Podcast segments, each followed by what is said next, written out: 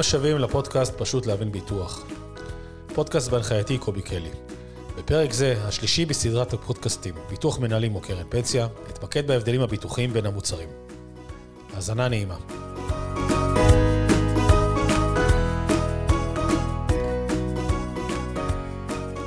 טוב, ברוכים הבאים לפרק השלישי בפודקאסט ביטוח מנהלים מול קרן פנסיה. נמצא איתי אורי דר, חבר. שלום, 40 שלום. שנה, מה שלומך אורי? מעולה. יופי. אמ, אורי, אה, אורי, למי שלא שמע כבר לפני, הוא מייצג את, אה, פחות או יותר את, אה, את הקהל השומעים. אורי בא מתחום החינוך, הוא פחות מבין בתחום הזה, ולכן הוא ינסה פחות או יותר לשאול שאלות או לתת לי נקודות של אי-הבנה, כדי שאני אסביר, כי הנושאים הם גם ככה קצת מורכבים, ואני מנסה לפשט אותם כמה שאני יכול. אוקיי, אז דיברנו בפרק הראשון על הסכום צבירה שאתה יכול לצבור, בפרק השני דיברנו על הקצבה. בפרק הזה אני רוצה להתמקד בהבדלים הביטוחיים בין שני המוצרים, בין ביטוח מנהלים לבין קרן פנסיה. אוקיי. בשני המוצרים יש שני ביטוחים מובנים. אחד הוא למקרה מוות, כיסוי כספי למקרה מותו של אדם, והשני הוא אובדן כושר עבודה. למקרה מותו של אדם, לפני כן, שהוא של הגיע מבוטח. לגיל הפנסיה בעצם, כן? יפה מאוד, שאלה מעולה. כן, התשובה היא כן. אוקיי. לפני הגעתו לגיל הפרישה, לפני היציאה לפרישה. יעני הליכה בטרם עת, כמו שאומרים. הליכה בטרם עת, בדיוק. בפרישה זה סיפור אחר. אוקיי. בסדר? אז ביטוחים למקרה מוות הם מותו של אדם לפני פרישתו, והביטוח השני הוא ביטוח של אובדן כושר עבודה. אי יכולת עבודה, אה, אי יכולת עבודה, אי יכולת השתכרות, כתוצאה מתאונה או כתוצאה ממחלה. אוקיי. אלה שני האופציות שלנו, שאגב, מחלות יכולות לפעמים דיכאון נפשי, כן? ברמה הזאת. כן? נכון. זה, אלו בעצם הגורמים שיכולים להוביל אותך לפגיעה, או את המשפחה שלך לפגיעה בהשתכרות שלה. בסדר? אדם שמפרנס ולא חי יותר, צריך כסף. נכון. בסדר? המשפחה כן, צריכה כסף כדי להמשיך. להתפרנס. נכון? בדיוק, המשכורת שלו. הדבר השני, אדם שפרנס ולא יכול להתפרנס, לפחות באותה מידה שהתפרנס לפני כתוצאה מתאונה או מחלה, כנ"ל אותו מקרה. אוקיי. בעצם סכום כיסוי כספי. נתחיל רגע בהבדלים בין ביטוחי המקרה מוות, בביטוח המנהלים וקרן הפנסיה. אני אנסה להיות ממוקד הפעם, בהבדלים המדויקים בסוג הכיסוי ואיפה לשים, איפה הנקודות האדומות שצריך לשים לב אליהן. אוקיי. ביטוח למקרה מוות בקרן פנסיה הוא ביטוח יחסית מורכב. למה? הוא קצבתי, הוא משלם קצבאות חודשיות, הוא לא נותן סכום חד פעמי. זאת אומרת, אדם שהלך, ל- אה, אה, מת חלילה, כשהוא מבוטח בקרן פנסיה, עמית בקרן פנסיה שנפטר, ויש לו פנסיית שאירים, המונח נקרא פנסיית שאירים, משפחתו זכאית לקבל את משכורתו, או אחוז ממשכורתו, למשך כל ימי חייה, או יתומים זה קצת אחרת. אני אסביר. משפחה, אמא, אבא, ילדים, בסדר? ההגדרה של אלמנה זה אשתו, או מי שגרה בסמוך למועד פטירתו, זאת האלמנה בעצם. גם ידועה בציבור במרכאות, רק שבארץ ידועה בציבור זה אחרי מותו בלבד, אוקיי. אי אפשר בזמן החיים. אי אפשר להגדיר את זה. אי אפשר להגדיר את זה בזמן החיים, כן. אוקיי. בסדר? בת זוג יכולה להוכיח שהייתה חיה איתו בסמוך, אה, בעצם הייתה ידועה שלו בציבור, על פי הערכאה, כן, זה לא הקרן קובעת, זה ערכאה משפטית קובעת, זאת אומרת, בית משפט קובע את זה. אוקיי. זה בכלל לא עניין קרן הפנסיה. היא יכולה לקבל ממשכורתו 60% למשך כל ימי חייה. אוקיי. בסדר? כל ימי חייה. בוא ניקח אדם שהוא בן 30, נפטר, 10,000 משכורת, זה 6,000 שקל שכר למשך כל ימי חייה של האלמנה. נניח האלמנה היא בת 30, יש אישה ממוצעת חיי עד גיל 84, אנחנו מדברים פה על 50 ומשהו שנה. 54 שנה, אתה מדבר פה על סכומי עתק, סכומים מאוד גדולים. זה 6,000 בחודש, 12 בשנה זה 72,000, 72,000 כפול 20, אה, 54 שנה, זה המון המון כסף. אה, אז ללא ספק זה סכומים גדולים מאוד שמובנים בקרן הפנסיה, וזה לא גמיש. בקרנות הפנסיה אתה לא יכול להגיד, אני רוצה אה, סכום כזה, זה לא עובד ככה. בקרנות הפנסיה זה קצבה, 60% לאלמנה, ויש מסלולים מסוימים בקרן הפנסיה שאתה יכול קצת להקטין את זה, אבל לא יותר מזה. אוקיי. בסדר? זהו, זה מובנה. יתומים מוגדרים מי שמתחת לגיל 21. כמה יתומים מקבלים? יתום אחד, 30 אחוז, שני יתומים ביחד 40, ועשרה יתומים 40, ו-30 יתומים 40. זה זהו, לא עולה, כן. זה הכל. כי ה-60 הולך לאישה, אז מה שנשאר כן, זה 40 זה בעצם. בדיוק, זה 100 אחוז מהשכר. זאת אומרת, אדם צעיר עם שתי ילדים, בגיל 30, הרוויח 10,000, הלך לעולמו, המשפחה עם שני הילדים הצעירים, ימשיכו לקבל את אותם 10,000 עד שני, שני הילדים יעברו את גיל 21, ואז האלמנה תמשוך את ה-6,000 האלו למשך כל ימי חייה. הבנתי. בסדר? במקרה מותו של העמית, בסדר? סכום הכסף שהוא צבר, אותו אגם, נכון? שדיברנו עליו לפרישה שהוא צבר, נלקח על ידי קרן הפנסיה, היא לוקחת אותו. היא שואבת אותו ופולטת את הקצבאות האלו. אוקיי. בסדר? זה בקרן הפנסיה. ככה קרן פנסיה עובדת. עכשיו אנחנו אה, אה, נעבור לביטוח מנהלים. בביטוח מנהלים זה מאוד מאוד מאוד גמיש. ברוב המקרים בביטוח מנהלים רוכשים ביטוח למקרה מוות, סכום אחד חד פעמי. חשוב לי לציין שבדור של השנתיים האחרונות לא ניתן לקנות ביטוח למקרה מוות בכלל, בביטוח מנהלים. אתה לא יכול לרכוש את זה. זה מה, ירד מהפרק? רק מהפרק, אתה צריך לקנות את זה בחוץ. אתה רוצה, אוקיי. תקנה בחברת הביטוח. זאת אומרת, עד לפני שנתיים יכלת, כן. מלפני שנתיים השתנה החוק. אני אומר סדר גודל של שנתיים, אתה היום אתה לא יכול לקנות, אתה קונה את זה בחוץ. אוקיי. בסדר? בגלל איזושהי תביעה ייצוגית שהייתה אוקיי. בנושא. אבל בדורות ישנים מי שקנה בביטוח ביטוח מנהלים, קנה אגב ביוקר, זה לא סתם שהורידו את זה, משרד האוצר שינה את גישתו בעניין, זה היה מאוד מאוד יקר לקנות. אני בדרך כלל ממליץ גם למי שיש מפעם, להוציא את זה. החוצה. לביטוח למקרה מוות בחוץ בחברת הביטוח. לקנות אפילו באותה חברה ביטוח למקרה מוות. זה יותר באותו זול, סכום. זה יותר זול. מאשר לקנות את זה בביטוח ביטוח המנהלים. זה עולה המון כסף בביטוח המנהלים. זה גם עולה מאוד יקר, אבל מי שקונה את זה, הוא קונה סכום חד פעמי, אוקיי. מיליון, שתי מיליון, שלוש מיליון, על פי רוב. היה ניתן לקנות קצבאות, יש גם ביטוח למקרה מוות קצבתי בביטוח המנהלים. זה רק מי שרכש, אבל ב-99% מהמקרים זה סכום חד פעמי כנראה רכשו. אם ניקח אותי, אני, יש לי למשל, אה, סכום חד. פעמי. כן, כן, בדרך כלל קונים, זה מה שבדרך כלל, אני אומר, על פי רוב זה מקרה מוות, אני קצת מסייג את עצמי. כי יש כאלה שקנו קצבאות, אבל מי שלא, על פי רוב זה מקרה מוות. סכום חד פעמי למוטב. אני רוצה שאשתי תקבל, אני רוצה שהמאהבת שלי תקבל. אני רוצה שהילד שלי יקבל את כל הכסף. כן. אתה קובע את מי אתה רוצה, ולשם מגיע הכסף. זה הולך על פי מוטבים. במידה ולא קבעת, אז הולך על יורשים על פי דין, מה, על פי ירושה. צו ירושה. שיורשים על פי דין, זה גם האישה? כן. אוקיי. גבר זאת אומרת, נשוי עם ילדים, נגיד, אם יש לי שלושה האישה ילדים 50 אחוז ושלושת הילדים ביחד 50 אחוז. אה, אוקיי. זה, יורשים על פי דין, שתדע. הבנתי. בסדר? אבל למה זה חשוב? למה אני מדגיש פה את ההבדל? קודם כל נתחיל בזה שהבנו שהעלויות בקרן הפנסיה, אתה קונה סכום עתק, שזה מיליונים בקרן פנסיה, וזה עולה מאוד מאוד זול. ברוב המקרים זה אפילו במיליונים יעלה פחות ממיליון אחד שקנית בחוץ. בטח אם אתה מעשן, כי זה פרמטר שמייקר מאוד. בחברת הביטוח ובקרן הפנסיה הוא בכלל לא פרמטר. אוקיי. אין כזה פרמטר. ח- מעשן, לא מעשן, זה אותו מחיר. זאת אומרת שמי שמעשן יש לו בכלל יתרון משמעותי להיות בקרן פנסיה, אבל גם אם אתה לא מעשן, עדיין המחיר הוא מחיר עלות. הסברתי את זה בפרק השני, המחיר הוא, מחיר- בפרק הראשון, סליחה, נכון. המחיר הוא מחיר עלות, לעומת מחיר שהוא לטובת רווח, שבחברת הביטוח היא מרוויחה, זה נקרא, אגב, בשפה מקצועית, רווחי חיתום. את מה שנותר לה אחרי שהיא משלמת לאלמנים אלמנות, אוקיי. או מוטבים, בסדר? מה כן החיסרון בקרן הפנסיה? קרן הפנסיה היא לא גמישה. אם אתה רווק ועשית ביטוח שאירים, או לא הבעת את דעתך בנושא, כלומר, צירפו אותך מבלי שתשב עם איש מקצוע, אתה מבוטח, אני כבר אומר לך, אתה מבוטח בוודאות לביטוח שאירים, כי זה ברירת מחדל. אוקיי. ככה זה הולך. כן, אני, יש לי ילדים, אבל אם לא היה לי ילדים, נכון. סתם הכסף היה הולך. לא, לא ילדים, אלא אישה. אישה. וילדה. אישה. לפחות הייתה מקבלת את ה-60 אחוז. נכון. אם אין לך אישה וילדים, אתה רווק, או אתה פרוד מאשתך, שתדע, זה גם כי מאוד, אה, זה כי יש הגדרה מדויקת לאישה. טוב, לא צריך רק נשואה. אני לא רוצה להביא לה כסף כנראה גם. בסדר, בדיוק, אתה פרוד, אתה לא רוצה שהיא תקבל את הכסף הזה. אין לך שליטה בזה. אגב, בקרן פנסיה, אין שליטה בזה. קודם כל, אם אתה רווק, אלמן, גרוש, כדאי שתקשיב טוב טוב, או תקשיבי טוב טוב לנקודה הזאת. יש סיכוי שאתם משלמים פנסיית שאירים, הלכתם לעולמכם, אין שאיר שיקבל את הכסף. ולכן הקרן פנסיה מתנהגת אחרת. היא לוקחת את מה שצברת או צברת, ונותנת אותם ליורשים על פי דין. אבל את הביטוח של ה-60 אחוז, ו-40 אחוז לילדים, וה-60 אחוז לאישה, אין. ביטוח הזה הולך לפח. אין ביטוח כזה. הוא לא קיים. זה אומר שאין את הקצבה החודשית. אין את הקצבה החודשית. הזאת ספציפית, כן? בוא, נעשה את זה קל. אדם, אמרנו רגע, נתנו דוגמה של גיל 30. גיל 30 נשוי, עשרת אלפים שקל שכר, ילדים. זה מאוד פשוט. אתה מדבר פה על כיסוי של מיליונים. חמש, שש מיליון. כן? לאדם כזה שמת. עכשיו, אדם, בוא ניקח אותו אחד, הוא בן 30, הוא קנה פנסיית שאירים.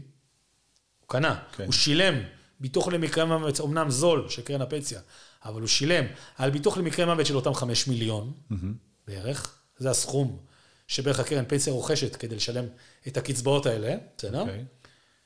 הוא שילם את זה סתם, אף אחד לא יקבל את זה, ואז מה שנצבר בקופה, נניח הוא צבר בגיל 30, עם עשרת אלפים שקל שכר, במקרה הטוב הוא צבר 200 אלף, את ה-200 אלף האלה היורשים על פי דין, יכול להיות שההורים שלו יקבלו את זה, סתם אני אומר. אבל הוא שילם ביטוח של 5 מיליון שקל, סתם. כנ"ל גרוש, שחושב שגרושתו תקבל את הכסף או שלא, או הוא רוצה, או לא, היא לא תקבל בכל מקרה. anyway, גרושתו כבר לא תקבל את הכסף, בסדר? או אלמן, או אלמן, או אלמן שאין איזה, עכשיו, ואז הלך ה-60 אחוז. נכון. ועוד משהו חשוב, כי אין בת זוג בעצם. נכון, אין, אין בת זוג עכשיו. אבל אנשים- 40 אחוז נשמר לילדים, אם יש לו ילדים. אם יש לו ילדים, מתחת לגיל 21 בלבד. מתחת לגיל 21. מתחת לגיל 21 בלבד. בסדר? יש פה חיסרון, הקרן פנסיה היא פחות גמישה, אבל אם אנחנו מדברים כרגע ברמת ההמלצה, קרן הפנסיה היא זולה יותר, הקצבה שלה נכונה יותר כדי לה- להחזיק משפחות בעיקר, זוג הורים, ילדים, זה הדרך הנכונה לרכוש את הכסף, כי היא רוכשת כמה שצריך באמת. בואו, זה נורמלי שאם אדם מביא עשרת אלפים שקל משכורת, הוא הלך לעולמו, הוא ימשיך להביא למשפחה עשרת אלפים גם אחרי מותו. יש איזה היגיון. זאת אומרת, זה מאוד הגיוני, זה שומר את המשפחה באותה רמת חיים. נכון. בכל זאת, למי שעשה את זה, אני עדיין בדרך כלל ממליץ לקנות עוד סכומים קטנים. אני קורא, קורא לזה אה, בשפה שלי אה, סכומי הוצאות קבועה, אבל זה לא. זה שיהיה עוד קצת כסף, כי מקרה מוות הרבה פעמים מוביל אותנו להוצאות חד פעמיות שאנחנו לא חשבנו עליהן, לא רק קבר, אלא גם יותר מזה הוצאות פסיכולוגיים וכאלו. אני ממליץ שיהיה עוד סכום למקרה מוות, שתקנו בחברת ביטוח, אבל זה הדעה שלי, תתייצאו עם איש מקצוע בנושא. כן, אני בסדר? יכול להגיד על עצמי, אני זוכר שכשאנחנו דיברנו, אני בנוסף למשל לקרן פנסיה והביטוח שמה, קניתי עוד אה, סכום שיש לי של 750, כי יש לי שלושה ילדים, שכל אחד מהם, בעת מותי, אם זה לפני הפנסיה, יהיה לו 250 אלף שקל, שיעשה בו כאוות נפשו. כן, שכבת נפשו, לחתונה, כן, דירה. דירה, שיהיה לו משהו, זה קצת יותר מזה, זאת אומרת, זה כבר מעל- החזקה כבר, זה כדאי שיהיה, הנה. אני אפילו לא חשבתי על זה, כן? לפעמים, כדי להיקבר באדמה ולא להיקבר בבניין קומות, זה עולה עוד 100 אלף שקל, אז זה גם סכום שצריך. והבנתם, ויש עוד, הרבה, זה, אנחנו עוד לא חושבים על זה, זה מימד אחר, עוד לא הגענו לשם. אבל לפחות תנסו לרכוש עוד איזשהו סכום שיהיה לילדים או למשפחה, חד פעמי, זה אני ממליץ, בחום, בלי קשר לקרן הפנסיה, וכמובן שכדאי בקרן הפנסיה לרכוש, כי זה הרבה הרבה הרבה יותר זול מאשר בביטוח מנהלים. בסדר? זהו. כן, עכשיו בואו נעבור לביטוח הבא, ביטוח אובדן כושר עבודה. אוקיי. מה זה אובדן כושר עבודה? תוצאה של תאונה או מחלה, הובילו לזה שאדם לא יכול להמשיך לתפקד, או בכלל לא לתפקד, אה, אה, ולכן הוא לא יכול להשתכר, כמו שהוא השתכר לפני זה, או בכלל לא להשתכר. ניקח דוגמה, אתה מנהל בחינוך, אתה נחשב רכז, נכון אורי? נכון. אתה, אתה רכז, רכז זה מנהל בחינוך, בתחום החינוך, נכון, אני מנהל יחידה. מנהל יחידה, נכון? מחר בבוקר איבדת את קולך, אתה יכול לא להמשיך. לעבוד במה שאתה עובד? לא יכול להמשיך לעבוד. אה, בגדול? אנחנו לא מדברים בסימני, ידיים וכאלה, אני חייב את הקול שלי, זה הכלי העבודה העיקרי שלי בעבודה. אוקיי. הוא היחיד כמעט. נכון, אוקיי, בסדר. אז אם אנחנו מבינים טוב, אם אני מבין טוב, מחר איבדת את קולך, אתה באובדן- אתה אמור להיות באובדן כושר עבודה. נכון. עכשיו שים לב להבדל בין קרן פנסיה לביטוח מנהלים. בקרן הפנסיה אובדן כושר עבודה הוא אובדן כושר עבודה כללי. בק- בביטוח המנהלים יש לך את האופציה, היא קיימת, לרכוש ביטוח אובדן כושר עבודה שמוגדר כצווארון לבן. ביטוח אובדן כושר עבודה כללי, הוא אומר, אי יכולתך לעסוק בעיסוק שעסקת עד כה כתוצאה מתאונה או מחלה, עכשיו שים לב למשפט הבא, או עיסוק סביר אחר על פי ניסיונך, השכלתך והכשרתך. שזה איפה?